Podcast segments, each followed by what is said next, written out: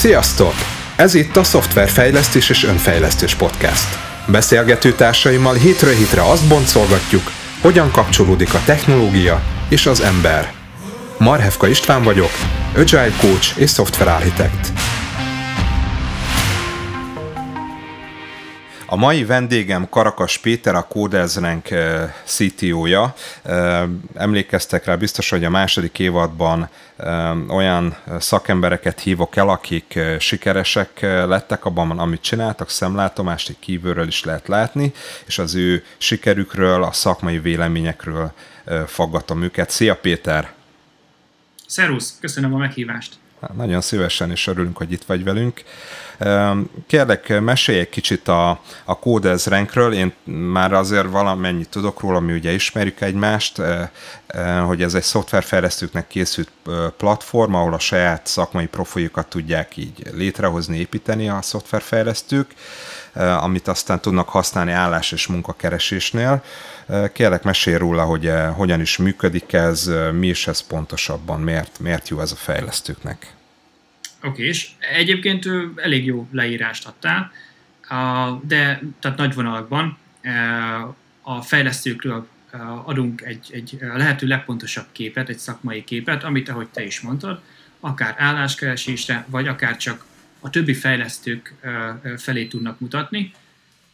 Abban vagyunk mások, mint a, a többiek, ahogy ezt mi csináljuk, mert ugye akár egy LinkedIn, ott odamész, megadod a szakmai tapasztalatodat, hogy x éve dolgoztam ennél a cégnél, és hasonló dolgok. Nálunk viszont, tehát ezek mellett azt is meg tudod adni, tehát mi belenézünk a kódodba, és a kód alapján is készítünk rólad, rólad képet. Mi inkább annak a híve vagyunk, hogy az interneten már tehát a korábbi munkád alapján csinálunk rólad egy profilt, nem pedig azt, amit te most hogy hirtelen magadsz. Mi integrálódtunk egyébként LinkedIn-nel is, tehát a LinkedIn profilodat is behúzzuk, GitHub-bal, Stack Overflow-val, GitLab-bal, meg egyébként bármilyen gites forráskódba bele tudunk nézni, és ugye ebből összegyűrünk egy olyan profilt, ami objektív képet ad rólad, tehát nyilván egyébként te is hozzá tudod adni a saját dolgaidat. És ugye, ami még fontos, hogy mindezt azért úgy csináljuk, hogy tiszteljük a, e, a, a, tehát hogy biztonságosan. A kódból csak olyan dolgokat tárolunk, ami, e, tehát amivel nem lehet visszaélni. Mi, mi nem tároljuk magát a forráskódot, csak azt nézzük, hogy mennyire voltál aktív egy, egy adott technológiával. Nem tárolunk se fájlneveket, se e-maileket, se userneveket, semmi ilyesmit. Uh-huh. A, a Codes Rank maga egy nemzetközi platform, ha jól tudom, 50 ezer fejlesztő van már, aki így a, a rendszerben igen, benne közel, van. Közel, közel 50 ezer. Igen. És ugye nagyon izgat az engem, hogy ugye tényleg nemzetközi platform, hogy hogyan tudjátok ezt a, ezt a platformot így nemzetközileg építeni, hogyan találjátok meg a fejlesztőket, hogyan találnak meg a fejlesztők titeket ha erről tudsz egy kicsit mesélni nekünk, amit Persze, lehet. ugye többféle forrásunk van. Egyébként inkább azt mondanám, hogy nemzetközileg talán még egy kicsit könnyebb is, mint nem nemzetközileg, mert ugye van is ebből egy kis problémánk, hogy pont, hogy mindenhonnan jönnek a fejlesztők, de nekünk az lenne a legjobb, hogyha csak mondjuk Európából jönnének. Azt látjuk, hogy már elég sok fejlesztő jön meghívás alapján, tehát az egyik fejlesztő mondja neki, hogy hé, találtam ezt a kódresztrenket, regisztrálj be, próbáld ki, kollégák ajánlják egymásnak, Facebookon, vagy akár Twitteren, valaki megosztja a profilját, vagy GitHubon egyébként ott is meg lehet osztani a uh-huh. profil. Valaki látja és érdeklődik, akkor regisztrál, tehát egyre több ilyen van, és ugye ezt azért egyébként nem nagyon lehet kontrollálni, hogy akkor most csak ebből egy országból jöjjenek, hanem, hanem ugyanek mindenhonnan. Uh-huh. Egyébként pont ma néztem meg, az egyik legjobban fejlődő ország, az pont Brazília, ezt pontosan nem tudjuk miért, van egy-két ötletünk, hogy miért lehet, de, de Brazília az például nagyon népszerű. De USA-ból is viszonylag többen vannak, meg a, ja, Szóval ezek a legnépszerűbb országok, de egyébként, tehát hogy mivel hozzuk be a fejlesztőket, uh-huh. content marketing, tehát csinálunk cikkeket, ezeket különböző platformokon szétszórjuk, hirdetjük, uh-huh. illetve például YouTube-on volt egy ilyen viszonylag sikeresebb kampányunk, amikor csináltunk chart race videókat, hogy például a legaktívabb, vagy a, tehát hogyan alakult a frontend frameworköknek a uh-huh. népszerűsége GitHubon például. Aha. És akkor erre így összességen egyébként több mint egy millió nézettségünk volt kb. 10, 10 videóra. Hm, az igen, szóval onnan is, onnan is jöttek, illetve a, a hagyományos marketinger is, tehát nem a Facebook hirdetések, Google hirdetések. Uh-huh. Tök jó. Hát akkor tényleg rajta vagytok itt a nemzetközi vérkeringésnek az ütőerén, és ti is be, berakjátok oda magatokat, és tulajdonképpen akkor így teszitek, akkor ismerti a, a platformot, hogyha jól értem. Körül... Így van, így van. Aha, tök jó. A, azt szeretném így megkérdezni, hogy a, hogyan született a Coders Ranknek az ötlete is, meg, meg egyáltalán hogyan indult ez a kezdeményezés, mikor kezdtétek? Uh-huh.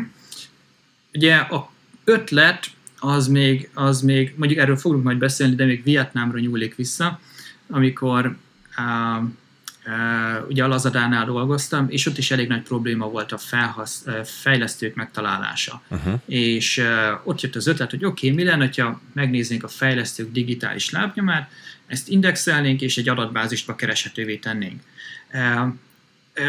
Ugye akkor ez az ötlet foglalkoztatott, utána hazajöttem Magyarországra, a Innonik cégcsoporthoz csatlakoztam, és ott végül is 2017 közepén, ha jól emlékszem, akkor úgy, úgy belefeküdtünk ebbe, és elkezdtünk ezzel foglalkozni. Az eredeti ötlethez képest nyilván ez, ez változott, mert akkor az lett volna, hogy oké, okay, indexeljük a, a interneten felelhető fejlesztőket, és ez azóta odáig fejlődött, hogy ehelyett inkább mutassunk egy tehát aki beregisztrál, arról adjuk egy lehető legpontosabb képet a digitális lábnyomai alapján. Uh-huh. Úgyhogy ja, gyakorlatilag innen jött az ötlet. Aha, tehát hogy neked volt korábban egy ilyen tapasztalatot, hogy a fejlesztőket hogyan lenne jó találni, ezt próbáltad valahogy eszközökkel megoldani, és akkor végül is erre egy ilyen saját platformot építettetek idővel. Így van, így van. Uh-huh.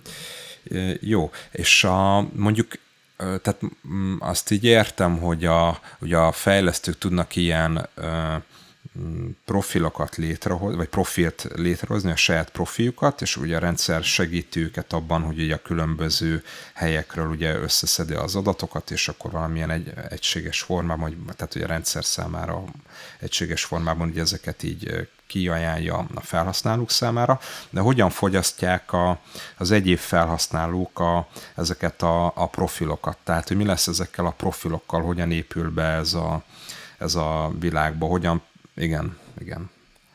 Aha, oké. Okay. Um, ugye itt is egy kicsit uh, igyekeztünk fel, uh, fejlesztő barátabb megoldást találni, mint mondjuk a LinkedIn. Mert ugye ha van egy LinkedIned, akkor ja, ha, ha valakinek van LinkedIn accountja, akkor eh, meg tudja nézni, rekruterek rá tudnak írni, meg ez hasonló dolgok. Mi úgy voltunk, hogy ettől nyitottabbak szeretnék lenni, és ugye alapból a Coders ad neked egy profilt. De ez egyáltalán nem biztos, hogy neked tetszik, ezért van API, amivel akár a saját weboldalodba be tudod építeni, uh-huh. tehát az összes információ elérhető az API-on keresztül, saját túlokat építhetsz, ha, ha szeretnéd, mert ugye hát fejlesztői közösségben azért elég megszokott, hogy a, szeretik, szeretjük így összebarkácsolni a saját weboldalunkat.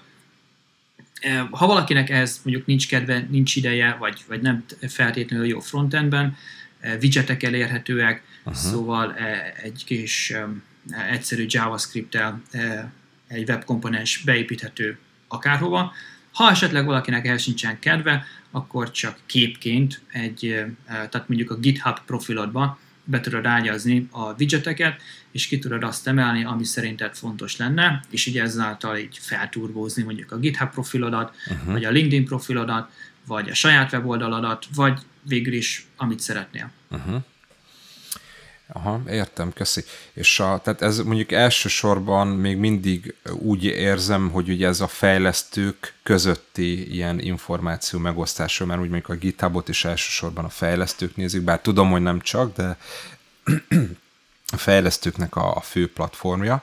A, az üzleti modelletek szempontjából uh-huh. ja, becsatornázzátok okay. ezeket a profilokat valahogyan a recruiterekre? Tehát, hogy pont az eredeti Igen, probléma, ezek... amit ugye mondtál, hogy ugye uh-huh. kerestetek embereket, hogy, hogy ebből a szempontból, hogy hogyan tud segíteni a Coders Rank? A recruiterek számára ez kereshető. Tehát, hogyha fejlesztő optinál, hogy oké, okay, én nem bánom, hogyha recruiterek által elérhető vagyok, akkor ők elérhetőek lesznek a rekruterek által. Uh-huh. Szóval ebből a szempontból a, a, ez a hagyományos modell, hogy havi előfizetésért hozzáfér az adatbázishoz, uh-huh. és sokkal egyszerűbben ugye tud keresni a fejlesztők között. Aha, világos. Tehát mondjuk recruiterként akkor én előfizetek, és akkor van egy adatbázisom, és látok egy sokkal ilyen pontosabb képet a fejlesztőkről, mert ugye benne vannak ezek a szakmai részletek is. Tehát mondjuk, hogyha valaki egy olyan recruiter, aki ért a szakmához, akkor az el, el tudja dönteni, hogy melyik egy adott fejlesztő, ő egy jó választás vagy sem, és nem hoz be mindenkit az adott céghez mert nem tudom, a Java szó szerepelt a JavaScriptben, és akkor e, így megfelelt a keresési szavaknak. Oké. Okay. A, most már akkor is sokkal jobban értem akkor így az üzleti modellt is. Nekem ami még nagyon érdekes volt, hogy tudom, hogy ti Debrecenben vagytok, és ez is egy ilyen különlegesség, nekem legalábbis a szemem, az én szememben mindig, mert ugye ahhoz vagyok szokva, hogy a legtöbb kezdeményezés Budapesthez köthető. És ugye te, tudom, hogy dolgoztál külföldön is, majd erről is beszélgetünk egy kicsit később. Te hogy látod a debreceni fejlesztői közösséget? Hogyha össze tudod hasonlítani esetleg Budapestivel, vagy mással, akkor mit látsz? Uh-huh. Mindenképpen kisebb. Uh-huh. És hogyha csak a meetupokat nézem, ugye amikor még voltak ilyen meetupok, akkor uh-huh. hát nem volt olyan sok szerintem maximum, hogy két, három meetup volt talán, ami, ami e, e, szóba jöhetett, de sajnos azok is így elhaltak. Uh-huh. Ugye nyilván a nagyvárosok azáltal, hogy na, többen vannak, ezért ez a közösség is élénkebb lehet. Viszont egyre inkább azt látom, hogy hát ugye a Covid miatt is ez a határok így elmosódnak, szóval inkább lehet mondani a magyarországi fejlesztői közösségről, uh-huh. mint sem, vagy e, debreceni. De egyébként e, ezen kívül most túl nagy különbséget nem látok, tehát ilyet nem mondanék, hogy e, pestiek jobbak, mint a debreceniek, vagy ehhez hasonló. Ugye nyilván sokan vannak, elvándorolnak Debrecenből, elvándoroltak Debrecenből Budapestre, mert jobb karrier lehetőségek voltak, viszont ez is a, a Covid miatt egy, egy ilyen, uh, én úgy látom, hogy visszaabszorult. Uh-huh. De mi, nálunk is van az, hogy uh, egyre több uh, pesti, budapesti uh, kollégát, mármint egy Zinendik csoportnál látom azt, hogy egyre több uh, budapesti kollégát vesznek fel, azért, mert uh, hát ja, akár most már remote is el lehet végezni ugyanazt a feladatot, uh-huh. amit eddig uh, on-site csináltak. Uh-huh. Hát igen, meg hát gondolom ahhoz, hogy ti is a legjobb embereket megtaláljátok, akkor nem csak Debrecenben, hanem akkor most már az egész országban is lehet keresni. Egyébként a visszatérve, hogy én Miskolcon élek, és én azt láttam az itteni fejlesztői közösségben, itt nálunk is az van, hogy van kb. ilyen egy ilyen meetup, ami egy ilyen meghatároz, és arra így összejönnek az emberek. De hogy így mm, az, azt, azt a jellegzetességet láttam, hogy ugye van itt pár ilyen nagyobb cég, akik így munkát biztosítanak, és nagyon meghatározza az itteni fejlesztőknek a gondolkozását, eznek a pár cégnek a, a módszertana, vagy, vagy ahogy a, ahogyan dolgoznak, tehát mondjuk van olyan cég, aki Németországból hozza ide a munkát, vagy nem tudom, tehát van egy, egyfajta ilyen mm, hát nem is tudom, hogy hogy fogalmaz. Tehát egyféleképpen néznek rá ezekre a, ezekre a munkákra, nincs az a sokszínűség, mint mondjuk a, a fővárosban. Ugye itt Miskolcon is vannak ilyen startupok, de ez a ritkábbik. Uh, ugye a legtöbben inkább ilyen stabil cégeknél dolgoznak. Úgyhogy ez, ez a fajta sokszínűségnek talán, ami, ami nincs így jelen, így Miskolcon. A másik ilyen jelenség, amire valaki így felhívta a figyelmemet, hogy itt például Miskolcon előfordul az, hogy csapatok egy az egyben váltanak munkahelyet, tehát hogy annyira jó az összetartása az emberek között, hogy a fejlesztők között, hogyha mondjuk valaki esetleg elmegy a cégtől, vagy mondjuk a cég nem tudom, megszűnik, vagy felszámol egy, egy részleget, akkor együtt keresnek munkát a, a fejlesztők. Ez, ezt mondjuk nem annyira láttam én Budapesten, amikor, amikor ott éltem. Ez egy ilyen érdekesség, nem tudom, hogy ez, ezzel ti találkoztatok-e, vagy te találkoztál ezzel a jelenséggel? Uh-huh. Hát ugye azt látom itt is, van egy pár nagyobb cég, akár mondjuk a National Instruments, vagy uh, EPAM, uh, um, szóval ők, nekik nyilván van egy meghatározó techniká, uh, technológiájuk, de például az EPAM, e, ugye ők outsourcolással foglalkoznak, uh-huh. ezért ott többfajta technológia van. Tehát nem lehet azt mondani, hogy ó, ott csak e, nem is tudom, Java van, vagy PHP, uh-huh. hanem, hanem e, ja, ott is valamennyire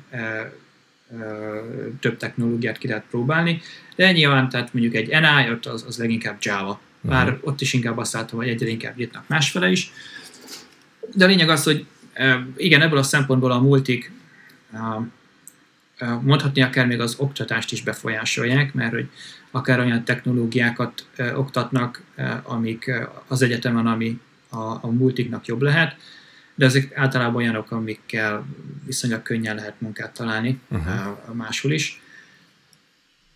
És ugye mondtad ezt a csoportos váltást, szerintem ez nem miskolci vagy kisvárosi, mondjuk ha mondhatjuk Debrecen vagy Miskolcot kisvárosnak, tehát hogy nem csak a főváros, vagy nem, csak ránk jellemző, mert tehát én is hallottam olyat, hogy akár remote csapatok, különböző uh-huh. országból mindenki, és együtt mentek át, egy, vagy többen mentek át abból a cégből egy másikba, tehát így csapatostul mentek át.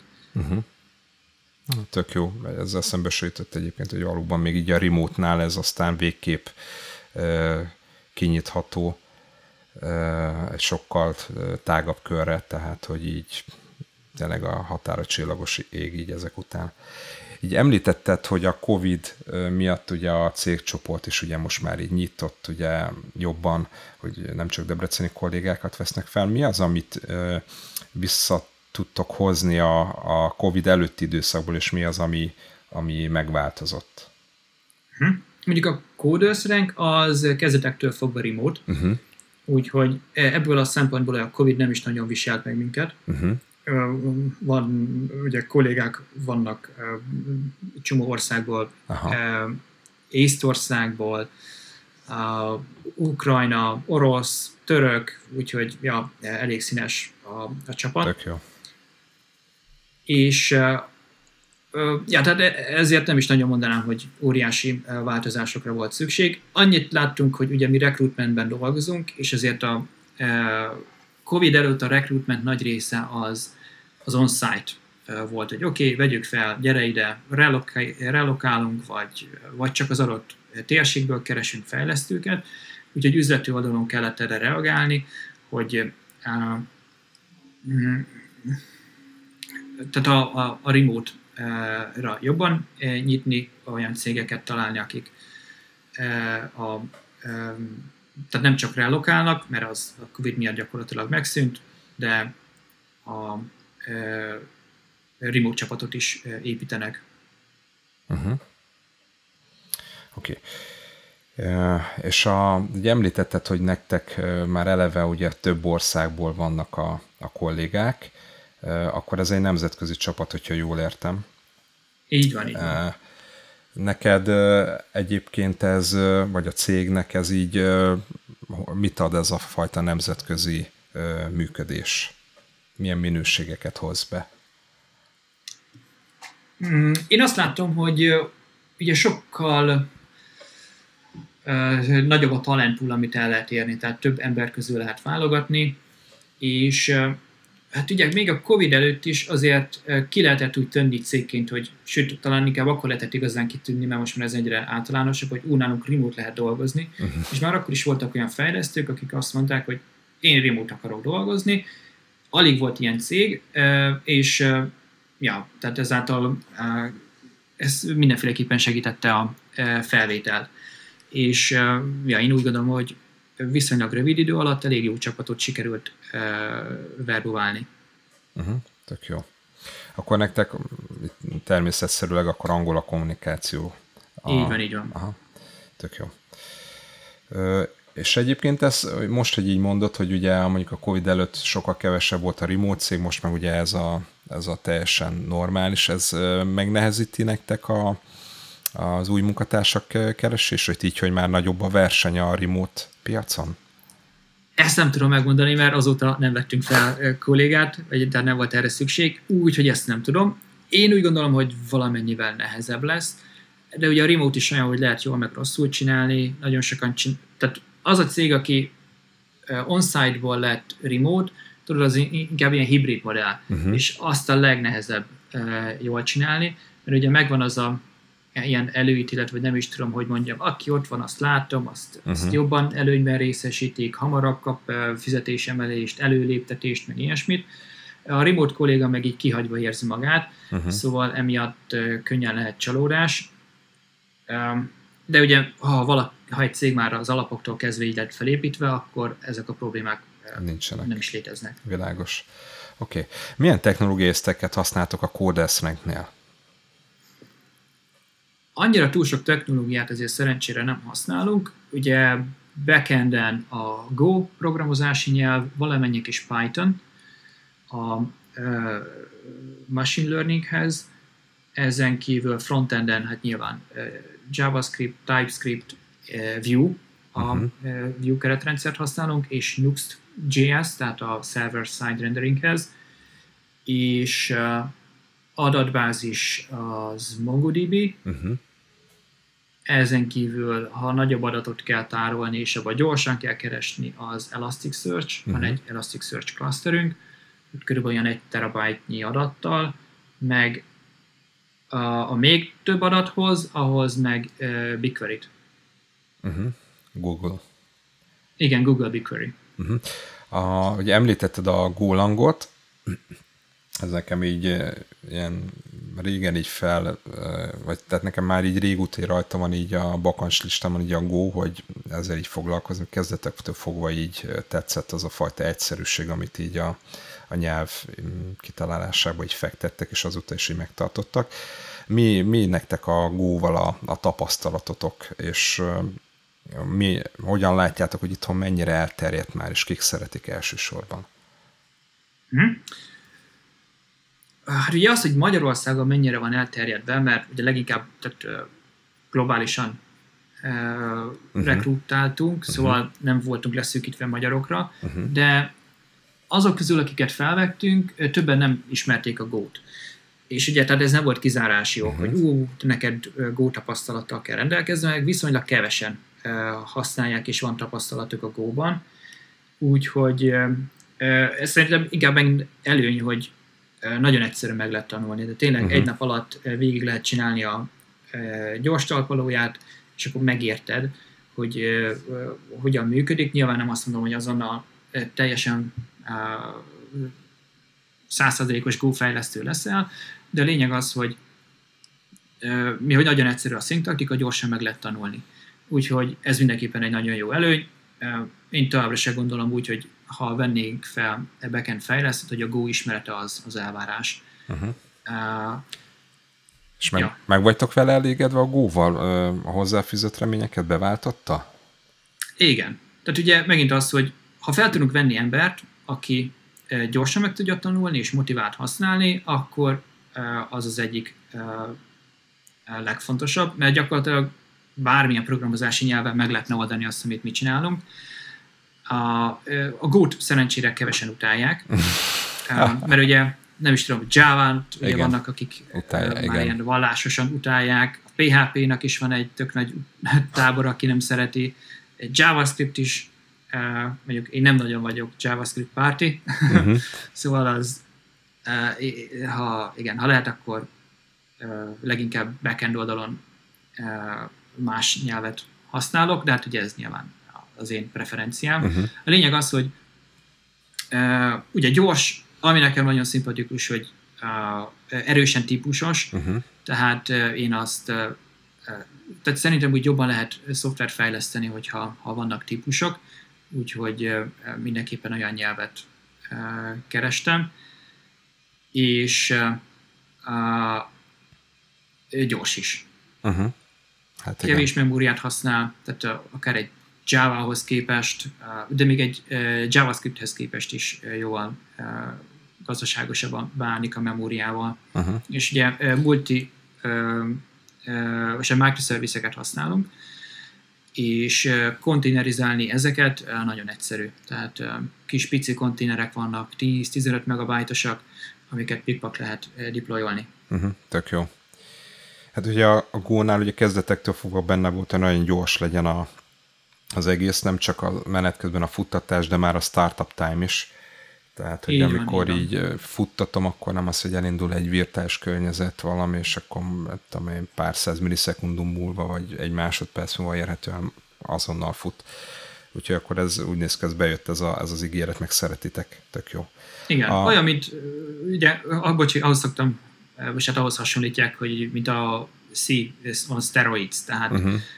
a, mert ugye nem kell a mutatókkal úgy babrálni, nem kell a memória managementtel annyira szenvedni, tehát mondhatni csak a, a fun, az élvezetes része marad uh-huh. meg belőle. Nyilván lehet low level szinten optimalizálgatni, de, de nem nehezebb elszúrni. Uh-huh.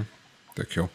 Hosszú ideig nem volt a Go-nak egy normális fejlesztői környezete, aztán beállt ugye a JetBrains a, a sorba, és erre is megcsinálta. Gyakorlatilag szerintem ők a, így a világon a, a legjobbak ebben, hogy ilyen tényleg a refaktorálás támogatásban így így a legjobbak legyenek, és ugye az IntelliJ-vel ők mutattak példát a Jávában, azóta már ugye ezt így másolták többen is, és a, ők csináltak ugye a Golankhoz is idét, hát, illetve volt már előtte is persze ide, de nem volt túlságosan kifinomult, de ők ugye azokat a gondolatokat, amiket ugye az IntelliJ-ben is láttunk a Java refaktorálásnál, ami később ugye a PHP Stormba is bement, azt megcsinálták a Golangban, de tudom, hogy ez négy-öt éve néztem rá utoljára, még akkor eléggé ilyen döcögős volt, tehát nem volt ez százszerzalékos dolog. Most mi a tapasztalatok a GoLand-del, hogy ez a neve az, az hmm. idének? Igen, igen. Ugye ezért is jó szerintem a típusos nyelv, mert lehet rá jó editort csinálni. Uh-huh. Egyébként nálunk két editor az, ami népszerű volt, az egyik a Goland, a másik pedig a VS Code, uh-huh. mert a VS Code-nak is egész jó Igen. addonja van, de a Golandnek, én egy Golandet használok, szóval nekem nagyon pozitív a tapasztalatom. E, jó, mondjuk annyi problémám van, hogy elég sok memóriát eszik. Uh-huh. Ugye azt vettem észre, hogy akár ilyen 4 GB is uh, rámehet. Uh-huh. Nekünk viszonylag nagyobb a repozitori, mert monorepót használunk, tehát uh-huh. ugye microservice-ek vannak, és az összes microservice egy repóban van benne. Kísérleteztünk egyébként úgy, hogy külön repóban vannak, de végül eh, egybe tettük őket, mert ezt láttuk hatékonyabbnak. Uh-huh. De a lényeg az, hogy ja, tehát szimpatikus a, a GoLand. Az egyik kedvenc feature ami egyébként mostanában vettem észre egy tudényát, ugye nem tudom, hogy több mondjuk Java-ban vagy, vagy máshol hogy van ez, de amikor egy JSON-t be kell olvasni, akkor ugye mi vagy erősen típusos a nyelv, ezért adni kell egy struktúrát, meg kell mondani, hogy a JSON így néz ki, tehát ez egy string, ez egy integer, ez meg az. Ugye, mit tudom én, Node.js-be ezt simán csak beolvasod, de Go-ban itt a típus mindennek meg kell adni, ami, hát ilyen favágó munka lett, hogy úristen, uh-huh. itt van egy rohadt nagy JSON, és akkor ez most így kézzel megadni, de csak bemásolom a JSON-t ebbe a struktúrába, akkor ő automatikusan felismer, hogy aha, oké, okay, mondjuk ez egy tömb, ez egy vagy egy olyan tömb, ami integereket tartalmaz, ez egy, nem is tudom, string, és a többi, szóval magától megcsinálja ezt a típusokat. Ezzel nagyon sikerült meg lehet spórolni, főleg, hogyha nagy JSON-okkal kell dolgozni. Uh-huh. Oké, okay, köszönjük, hogy megosztottad. Szóval például ez, ez, egy, ez egy nagyon Aha. hasznos feature. Na, tök jó. És a deployment pipeline-otok az nektek hogy néz ki? Milyen gyakran release hogy épül fel a pipeline? Uh-huh. Hát, hogy milyen gyakran release ez nyilván változó. Havonta olyan 200-250 release szokott lenni. Uh-huh. Tehát nyilván ilyen kis pici. Mi annak a híve vagyunk, hogy ha valami kész van, akkor menjen ki. És minél hamarabb legyen kész. Tehát az összes ilyen uh, uh, akadályt elgördíteni előre, uh-huh. és uh, ez úgy néz ki, hogy nálunk például nincsen QA, tehát a, uh-huh. a tesztelés hanem a fejlesztő felelőssége az, hogy úgy működjön, ahogy azt elvárjuk, és akár egy, egy a product manager, amikor megnézi, hogy elkészült-e az, amit kértek, azt deployment után nézi meg. Szóval ezzel is inkább azt biztatjuk, hogy a lehető leghamarabb menjen ki valami, ne pedig az, hogy óriási branchek vannak deployolva, és akkor nem tudjuk, hogy egyszerre kimegy 10 feature, tehát az ilyen deploy trained, azt próbáljuk elkerülni. Uh-huh. Simán megvan az, hogy egy feature 5-6 lépésben megy fel. Uh-huh. Uh, és hogyan néz ki a pipeline? Hát ugye teszteket futtatjuk, utána a binary-ket lebildeljük, és deployment, és utána lefutnak a regressziós tesztek. Az élesen. Így van. És Aha. ugye így akár azt is meg lehet spórolni, hogy egy csak ezért egy testing environmentet feltartani, mert nekem az volt a tapasztalatom, hogy ez a testing environment az, az ugyanannyi, közel ugyanannyi időt uh, igényel a fenntartása, mint a live uh-huh. De így uh, legalább egyből látjuk, hogyha valami live-ban nem működik. És hát nem egyből, hanem deployment uh-huh. után, de, de figyelve van. Világos. A, azok a tesztek, amik először lefutnak commitkor, vagy hát ugye amikor bekerülnek a source controlba, ezek mennyi idő alatt futnak le? Hmm. Hát a pipeline-ban ez, ez ilyen két perc. Uh-huh.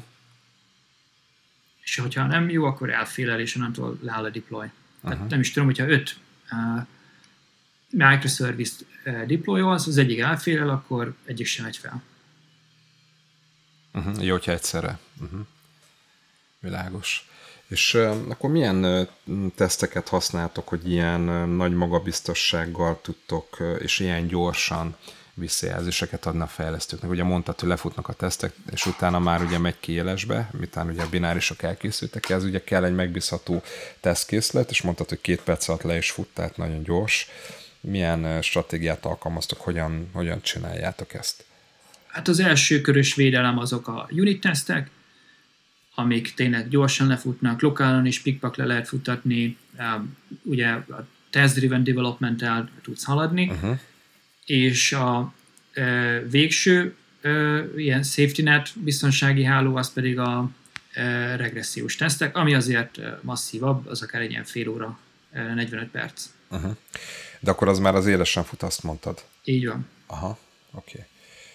De ugye ez is kezdetben úgy volt, hogy deploy előtt Hát ugye deploy nem is nagyon tudtuk lefuttatni, mert, mert live-on megy az egész, de hogy ne kelljen fél órát várni azzal, hogy meg legyen a deploy, hanem eh, menjen ki, legyen benne a forráskódban, és tehát inkább eh, elnézést kérjünk, mint engedélyt. Uh-huh.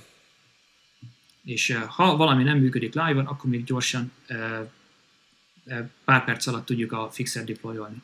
Uh-huh. Ja, világos, és akkor hamar kijavítjátok a hibát. Akkor viszont nyilván meg kell várni, amíg ugye lefutnak ott a tesztek, tehát ugye addig nem ér véget a, a munkaidő, amíg ugye ki nem derül, hogy az élesben oké, okay, rendben igen. vannak-e a dolgok. Oké, okay, oké, okay, azt hiszem értem, oké, okay, köszi szépen. A, Köszi, hogy így akkor így meséltél a kódelszrenkről, meg kicsit akkor így a technológiáról is, és így a beszélgetésnek a hátra lévő részében egy rólad szeretnék kérdezni a te szakmai életutadról. Először is így azt szeretném így eh, megkérdezni, hogy így hogyan kerültél kapcsolatba programozással, mikor kezdődött ez neked, hogy, hogy volt ez? Uh-huh. Viszonylag korán, 10 évesen kezdtem el programozni. Volt egy ilyen 286-os számítógépünk, és te használtan vettük, és akitől vettük, annak már volt egy, írt egy pár kisebb programot, Aha. és nem tudom, hogy így böngészgettem a fájlok között, találtam ilyen quick basic fájlokat, ah, akkor még nem nagyon tudtam mi ez, hogy hmm, mit csinál ez, ott elindítottam, akkor bejött egy editor, ott azt le tudtam futtatni, ott prütyögött valamit, ah, mondom, de érdekes, ha ezt megváltoztattam, akkor az is módosult, hmm, és akkor valahogy így belekústoltam, ugye elkezdtem könyveket venni, uh, utána átpártoltam Turbo Pascal-ra, az egy ilyen, ú, az már egy magas szintű nyelv volt ahhoz képest. És, akkor ez uh, ilyen 92 környékén volt az a kettő? 95. 95, aha. És CGA, vagy milyen monitorod volt? Ez már VGA monitor? VGA. Aha. Aha. Igen, igen. Aha. És uh, uh, ugye utána a Turbo Pascal, uh-huh. az egészen kitartott a középiskoláig, és ott utána kezdtem el uh, PHP-vel, ott is ugye, hogy a, kiszabadulni a, a típusos nyelvekből, és egy, egy változó lett string is, meg integer, hihetetlen, itt tart a technológia. Most meg már pont fordítva gondolom, hogy ah, mondom, ilyen barbárságot hogy lehet csinálni. Na a lényeg az, hogy eh, ott pedig eh, elkezdtem inkább a, a webfejlesztés irányába elkanyarodni utána. Aha. És a, említetted, hogy volt egy mentorod ebben az időben. Ő miben hmm. segített neked? Igen, igen.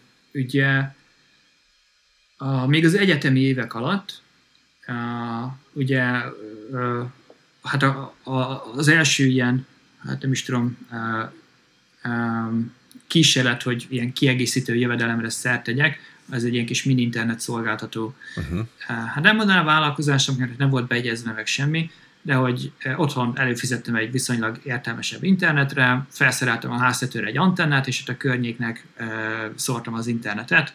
Ugye kimentem valahova, felszereltem egy kis antennát, és akkor havi 4000 forintért e, volt nekik e, szélessávú internet, ami annak idején 8000 forint volt, szóval így mindenki jól járt. Csúcsidőben nem is tudom, volt ilyen e, 8 előfizetőn, vagy valami ilyesmi. Aha. Szóval kitermelte a, a, a, az árát. E, és ugye akkor e, e, gondolkodtam, hogy na jó lenne valami e, munkát is találni. Várj, várj, bocs, hogy ismer... belekérdezek, ez milyen antennák voltak ezek, hogy így tudtál ilyen, ilyen internet szórást csinálni? Hát ugye volt egy nagy körsugárzó e, antenna, meg egy ilyen kis pici irányított antennák uh-huh. a klienseknél. Uh-huh. Csak hát így oda kellett figyelni, hogy nem tudom, felszereltem ősszel, eh, tavasszal, meg nyáron, amikor már elkezdett lombosodni, akkor már nem működött olyan jól, akkor reklamáltak. Uh-huh. Hát ja. Meg volt Na, tök kihívás. Jó, tök jó. Na bocsi, és akkor uh, folytattad közben a történetet, Aha, csak bele Szóval ugye, hogy gondoltam, hogy jó lenne valami szakmai tapasztalatot szerezni, és ugye hát egy ismerősi körből ismertem Egri Zsoltot, és akkor ugye tudta, hogy neki volt egy cége, a Webserver Kft., és akkor mondta, hogy na, nincsen esetleg valami lehetőség nálatok, mondom, itt van a nyári szünet, jó lenne, hogyha hasznossá tudnám tenni magam, és ugye akkor neki is meséltem, hogy már ilyen side project van, hogy internet megosztatás, meg ilyenek, és akkor hát Zsolti látott valamennyi fantáziát bennem, mondta, hogy ja, oké, gyere hozzánk, és akkor ott sikerült, és hát kikupált így, a, hogyan működik a e, internetes biznisz, jobban beleláttam abba, hogy a e, webszerver hogyan működik, utána e, együtt elkezdtünk hát egy, egy startupot építeni, ami nem mondom, hogy túl sikeres lett, még mindig megvan, még mindig vannak ügyfelek, uh-huh. de ugye a magyarországi korlátokhoz képest azért el van. Uh-huh. Ez volt a, egy ilyen látszerészeknek csináltunk alkalmazást, amivel tudnak marketing kampányokat futtatni, és a ügyfeleket nyilván tartani, szóval vagy tíz éve megelőztük a kort, ez még a 2008 körül volt, uh-huh. a, pont akkor jött a válság. A lényeg az, hogy ugye, ott együtt szélszeltünk, szóval így a, a, a, a business legmélybe sikerült belelátni, mi az a cash flow, vagy ja, ügyfélszerzési költség, ehhez hasonló dolgok. és ja, ő nyitotta fel a szememet is, hogy akár menedzser, mit is jelent, hogyan lehet valaki jó menedzser, könyveket ajánlott, bizniszkönyveket is, úgyhogy ő segített ez a pályán így elindulni, meg tovább fejlődni. Akkor ő igazából nem is uh, szoftverfejlesztésre tanított, hanem inkább az üzleti oldalt uh, mutatta igen, meg igen. neked. Mármint úgy üzleti oldalt, hogy a, a bizniszt, amivel pénzt lehet keresni. Vállalkozás. Igen, igen. Uh-huh. Tök jó.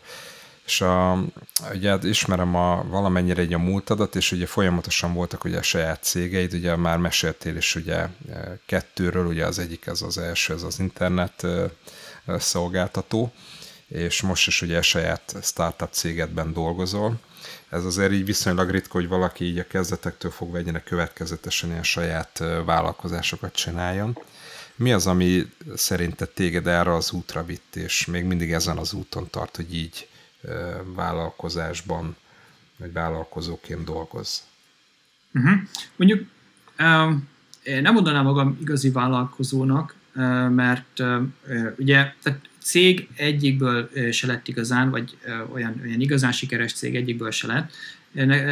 Inkább mindig volt valami, ami így a munka mellett foglalkoztatott. És ugye mondhatni, most vagyok abban a szerencsés helyzetben, hogy ami a munka mellett foglalkoztatott, az a munkám. Uh-huh. E, és most már van rá cég is. Uh-huh. E, úgyhogy, de ja, szóval inkább ez az, hogy oké, okay, munka után mit lehetne csinálni, ami, ami így érdekes. És tehát több ilyen kis pici projekt volt, volt amiből lett, és hát próbáltam pénzt keresni, volt, amiből nem, csak így megcsináltam. Ugye született így e-book, uh-huh írtam könyvet, amiből lett elektronikus könyv. Miről szól ez a könyv? Ez a fogyás mitosza. Aha. Tehát, Tehát hogy hogyan lehet. Egészségesen megszabadulni az extra kilóktól. Uh-huh. Ugye ez megint ilyen 10-13 évvel ezelőtt volt egy ilyen téma nálam, nem azért, mert fogyni akartam, vagy nem csak azért, hanem mert így, így elég elmélyültem a sportba, uh-huh. és akkor jó, hogyan lehetne ebből valamit csinálni. Szóval, ja, mindig volt ilyen dolog, amivel a, eh, eh, a munka utáni órákat el tudtam tölteni. Uh-huh. És most a munka utáni órák azok is a, a munkáról szólnak, vagy? Hát az vagy alvás. Oké, okay, meg tudom, hogy családod is van, és most várjátok a harmadik igen, pici igen, babát. Igen. Gratulálok. Oké. Okay. Köszönjük.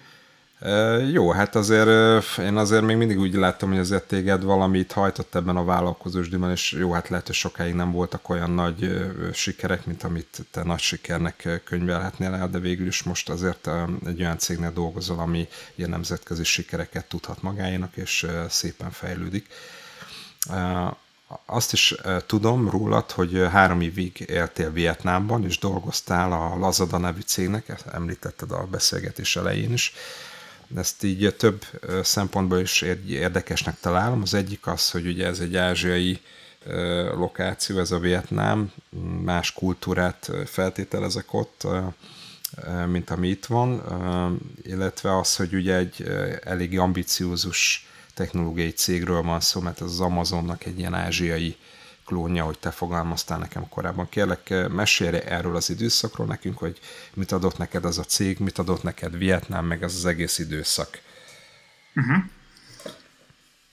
Uh, Oké, okay, és ugye azt hiszem kb. 2013 környékén uh, mentünk ki, és uh, egyébként LinkedIn-en találtak meg, uh-huh. uh, és úgy voltam vele, hogy á, én, én biztos nem megyek Vietnámba, megcsinálom a felvételit, legalább azzal is szerzek valami kis tapasztalatot, hogy hogyan működik a felvételi, aztán felvettek, adtak egy tök jó ajánlatot, és úgy voltam vele, hogy hát, na jó, akkor próbáljunk szerencsét, uh-huh. és egyáltalán nem bántam meg, mert tényleg egy, egy nagyon jó három év volt azt ott kint tölteni. Tehát egy az, hogy Ázsiában, tehát eddig nem is tudom, mit gondol, azt hittem, hogy ilyen dzsungel, meg ez hasonló, így képzeltem el Vietnámot, de nyilván egy teljesen más, egy hatalmas városban éltünk, 10 milliós város, ami tehát gyorsabban fejlődik, mint sokkal gyorsabban fejlődik, mint Magyarország. Uh-huh. Tényleg negyed évente változott a látkép, amikor így kinéztem az ablakon, hogy ú, most ott van egy felhőkarcoló, most meg ott, és nem felhőkarcoló, de ilyen, ilyen több emeletes épület. Uh, szóval tehát egy az, hogy megismerni más kultúrákat, világot látni, ez szerintem mindenképpen egy, egy nagyon hasznos élettapasztalat. A angolban sikerült egy csomót fejlődni. Uh-huh. Hát amikor a legelső napom, arra emlékszek, a legelső stand-up, hát szinte egy kukat nem értettem. Tehát egy az, hogy az ázsiai angol, főleg a vietnámiaknak, az, az elég nehéz megérteni. Uh-huh. És az én angolom se volt jó, de tehát ilyen kezdő füllel megérteni ezeket az akcentusokat, az elég nehéz volt, de, de szerencsére sikerült hozzászokni, meg ugye az én angolom is így tudott fejlődni, ami mondjuk ahhoz, hogy valaki egy, egy ilyen országon, országokon átívelő céget felépítsen, azért egy magabiztos angol szerintem nem árt. És ugye ezt ott sikerült megszerezni, meg egy gyorsan növő cégbe így bekerülni. Amikor ott voltam, akkor kb. 30 fős volt a uh-huh. tech cég, ez felnőtt közel 300-ra, és ezt így közelről végignézni, az is izgalmas volt. Kicsi irodából, nagy irodába, ja. Uh-huh. Meg, meg tehát azt is belelátni, hogy hogyan működik egy, egy olyan weboldal, milyen infrastruktúra van mögötte, meg részt venni a fejlesztésében, ami több millió user ki tud szolgálni. Uh-huh.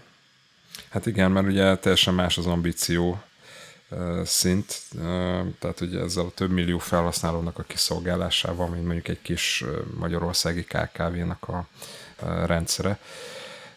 És ha jól tudom, techlitként dolgoztál a Lazadánál, és említetted, hogy hogy sok ugye vietnámi kollégád volt. Volt emiatt esetleg ilyen súrlódás, hogy mondjuk te úgy vagy tech a, a csapatnak, vagy embereknek, hogy te nem is vagy oda valósi? Én nem éreztem ilyet, Aha. szerencsére. Tök jó. Ez fura, mert hát ott inkább ilyen negatív rasszizmus van, szóval hogyha ha, ha valaki európai, akkor ú, ő európai, uh-huh. akkor hogy, hogy így csak amiatt tisztelik és többször volt, hogy megállítottak, lefotóztak, meg fényképezkedtek velem, ehhez hasonló dolgok. Uh, ja. Uh-huh. Igen, szóval igen, uh, nem, nem volt szerencsére emiatt uh, súrlódás. Uh, tök jó. Uh, és technológiailag mi, milyen stacket használtatok itt a cégnél? Mi az, amiben így fejlődni tudtál az alatt az idő alatt? Uh-huh. A PHP, uh-huh ugye azzal indult, valamennyi kis ilyen J keretrendszer, ha még rémlik, uh, Elasticsearch, RabbitMQ, uh-huh. és amikor eljöttem már, akkor javában ment a átállás Go-ra. Uh-huh. Tehát ugye ez a, PHP-ről, PHP-ről átállni Go-ra, az egy eléggé uh, uh, nagy trend. Ugye pont azért, mert sokkal uh, gazdaságosabb, tehát ugye nálunk is azt láttuk, hogy a szerverköltségeken lehetett spórolni, ott, ahol nem volt jó a válaszidő, egy csomót tudtunk faragni, szóval nagy terhelési oldalaknál is megérte átváltani erre. Uh-huh. Hát akkor végül is azt hoztad magaddal akkor tovább ide a Igen, igen, viszonylag. Tehát a Go azt, azt ott sikerült megszeretni, meg megismerni, uh-huh. és utána ott akkor úgy voltam, hogy hát na, miért nem? Uh-huh. Oké, okay, tök jó. Láttam így a CV-d, hogy ilyen agilis szoftverfejlesztési tapasztalatod is van, illetve hát ugye ilyen technikákat említettél már korábban is a TDD. Például neked mi a kapcsolatod így az agilis szoftverfejlesztéssel, milyen, milyen mi, mi, hogyan volt vele neked így eddig kapcsolatod, mi a tapasztalatod vele? Uh-huh. Végül is, hát szinte mondhatni a kezd, majdnem a kezdetek óta, de tényleg ilyen 2008 óta már mondhatni agilisen próbáljuk csinálni a dolgokat. Ugye azért mondom, hogy próbálom, mert tehát főleg akkor azért még, még ez ilyen nagyon ilyen új keleti dolog volt, hogy uh-huh. úristen, akkor ez most hogy is kell, most én agilis vagyok, vagy nem, ez az agilis módszer, vagy, vagy egy másik, de tehát úgy gondolkodtuk, hogy kis, rövid, tehát ilyen kéthetes sprintek legyenek, ne az legyen, hogy hónapokig, hónapokig fejlesztünk valamit. Uh-huh. Hát nyilván azért néha becsúszott egy-egy olyan, hogy ú, na akkor ezt most ráfekszünk, egy hónapig csak ezt csináljuk, nagyon jó lesz, és uh, ha kész, akkor, akkor ez lesz a legjobb dolog, uh-huh. de aztán kiderült, hogy hát mégsem így kellett volna. Uh-huh. Szóval azért időközben becsúsztak ilyen uh, hát hibák, de uh, meg már akkor is egyébként uh, mi remote dolgoztunk, szóval ezt a remote agilis fejlesztést a, a kezdetek óta igyekszem tanulni, meg, meg fejleszteni.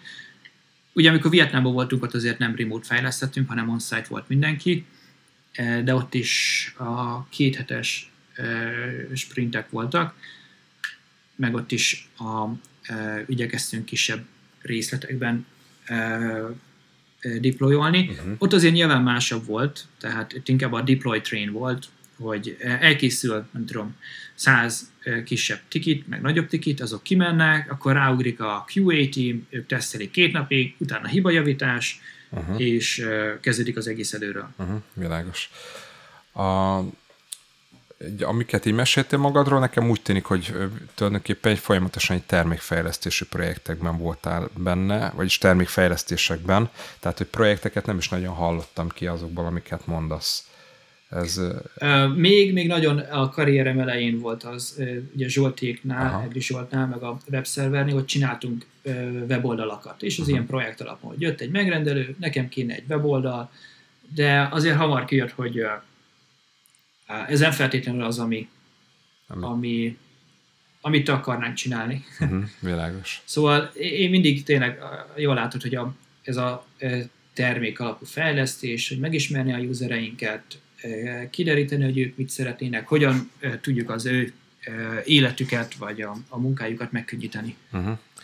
Igen, egy, hát ez az ideális, nekem is ezzel a, igazából közel a szívemhez, így a, nekem ugye az volt így a tapasztalatom így ezzel, hogy így ezért kell ehhez egy olyan tőke, aki ezt meg tudja finanszírozni, mert a, ugye itt általában egy csapatnak van egy folyamatos munkája, ugye az elején nem is biztos, hogy el tudod még adni azt a terméket, mert nem lehet, hogy mellé lősz, vagy nem tudom, tehát hogy ugye a terméknek is van egy életútja, hogy hogyan indul, hogy ehhez is kell egy ilyen hát kell, kell a pénz az elején, hogy a projektnél az a szerencsés, hogy ott egyben megállapodsz, tudod, hogy mit kapsz érte, megállapodtok, megcsinálod, kifizeti a pénzt, egy pár hónapos munka benne van, és akkor megkapod a pénzt, és utána mehetsz a következő projektre. Ugye a termékfejlesztésnél nagyon tehát kiderülhet akár sokára is, hogy az, amit csináltál, az igazából nem is piacképes, és akkor egy csomó pénzt így bebuktál, ami, ami,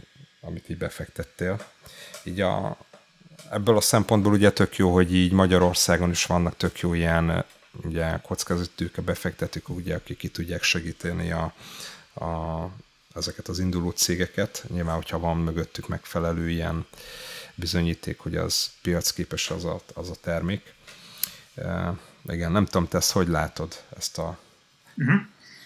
Uh, ugye én, én pont úgy látom, hogy a projekt alapú fejlesztés az inkább nagyobb kockázat, meg gondold el, összeszedsz egy csapatot, hogy van tíz fejlesztő, aki egy projektet x idő alatt meg tud csinálni. Uh-huh. És akkor megcsinálják. De ugye arra általában vagy ködbér van, ha késtek, akkor még neked kell fizetni, hogyha e, nem a megfelelő minőségbe készül el, akkor megint e, garanciát kell rávállalni. Ha meg nem jön projekt, akkor a fejlesztőket így is úgy is fizetni kell. Szóval uh-huh. ezt én így pont emiatt nagyobb kockázatnak látom. Uh-huh. Um, mert most tényleg nincs projekt, ott vannak a, a, a fejlesztők, mit csinálsz? Um, uh, egy termékfejlesztésnél meg, főleg, hogyha uh, ugye előfizetés van, akkor ha, um, ha nincs feature fejleszteni való, akkor, akkor is ki lehet fizetni a béreket.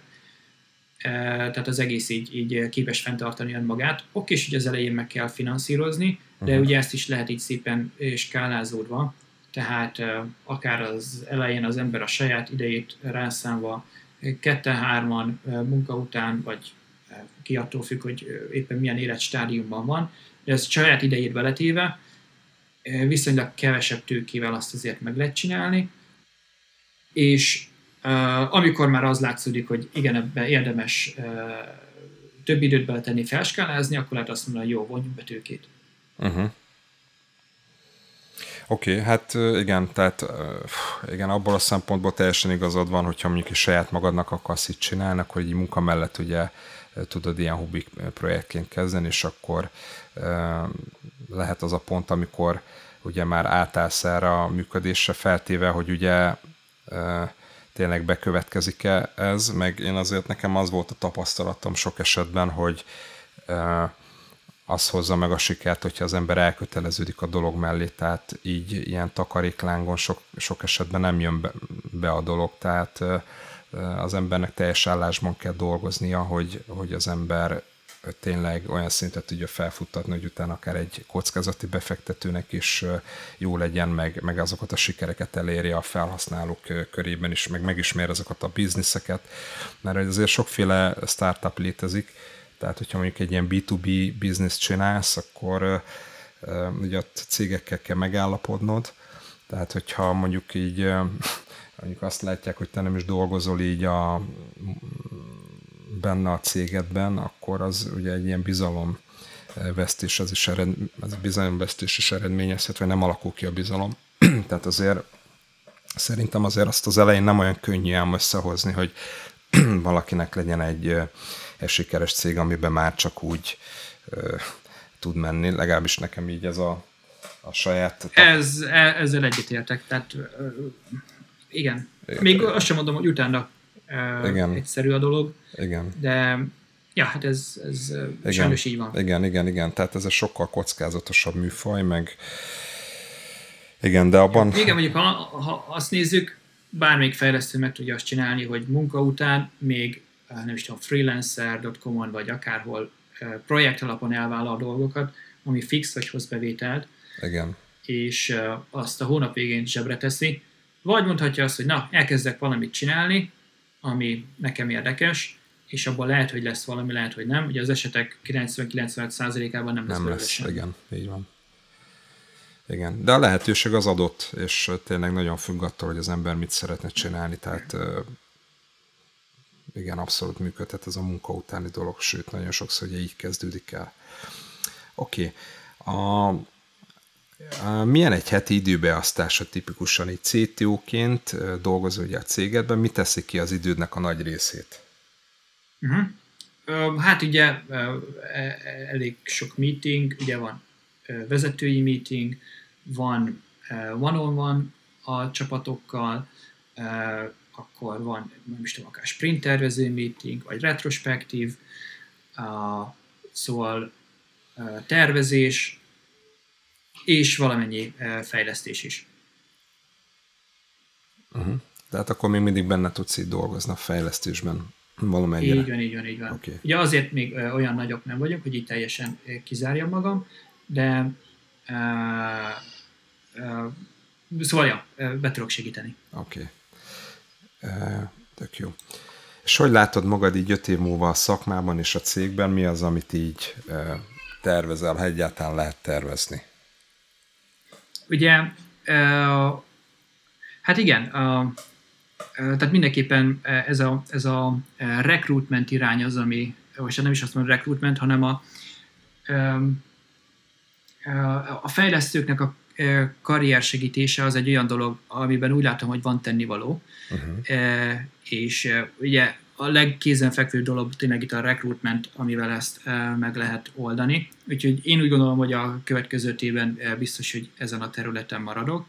Ugye remélhetőleg a kódösszránk is tud tovább nőni, uh-huh. és egyre több fejlesztőnek fogunk tudni segíteni abban, hogy a, egyre pontosabban és egyre több fele tudja a saját tapasztalatát és a, a, a, a profilját megmutatni, és ezáltal akár jobb helyekre eljutni, vagy, vagy jobb kapcsolatokat építeni. Uh-huh. Oké, okay. sok sikert kívánok hozzá, és a, nektek is, meg, meg neked is ez az úthoz. És hát lassan az időnk végéhez érkezünk, ezért így szeretném megköszönni, Péter, hogy el, eljöttél ide a, a beszélgetésbe, és megosztottad a, a tapasztalataidat velünk és biztos vagyok benne, hogy sok kérdéssel lenne még a, még a hallgatóknak, de tudom, hogy te nagyon segítőkész vagy ezért, hogyha írnak neked, akkor szívesen válaszolsz. Így van, így van. És köszönjük még egyszer, hogy itt voltál velünk, és jó munkát kívánunk neked, és a Coders Ranknek, és, és a harmadik baba eljöveteléhez is hát minek egyszerűbb szülést kívánunk a, a feleségednek. Nagyon szépen köszönjük, és még egyszer köszönöm a meghívást. Én is köszönöm, hogy itt voltál, Péter. Szia! Szia! Sziasztok!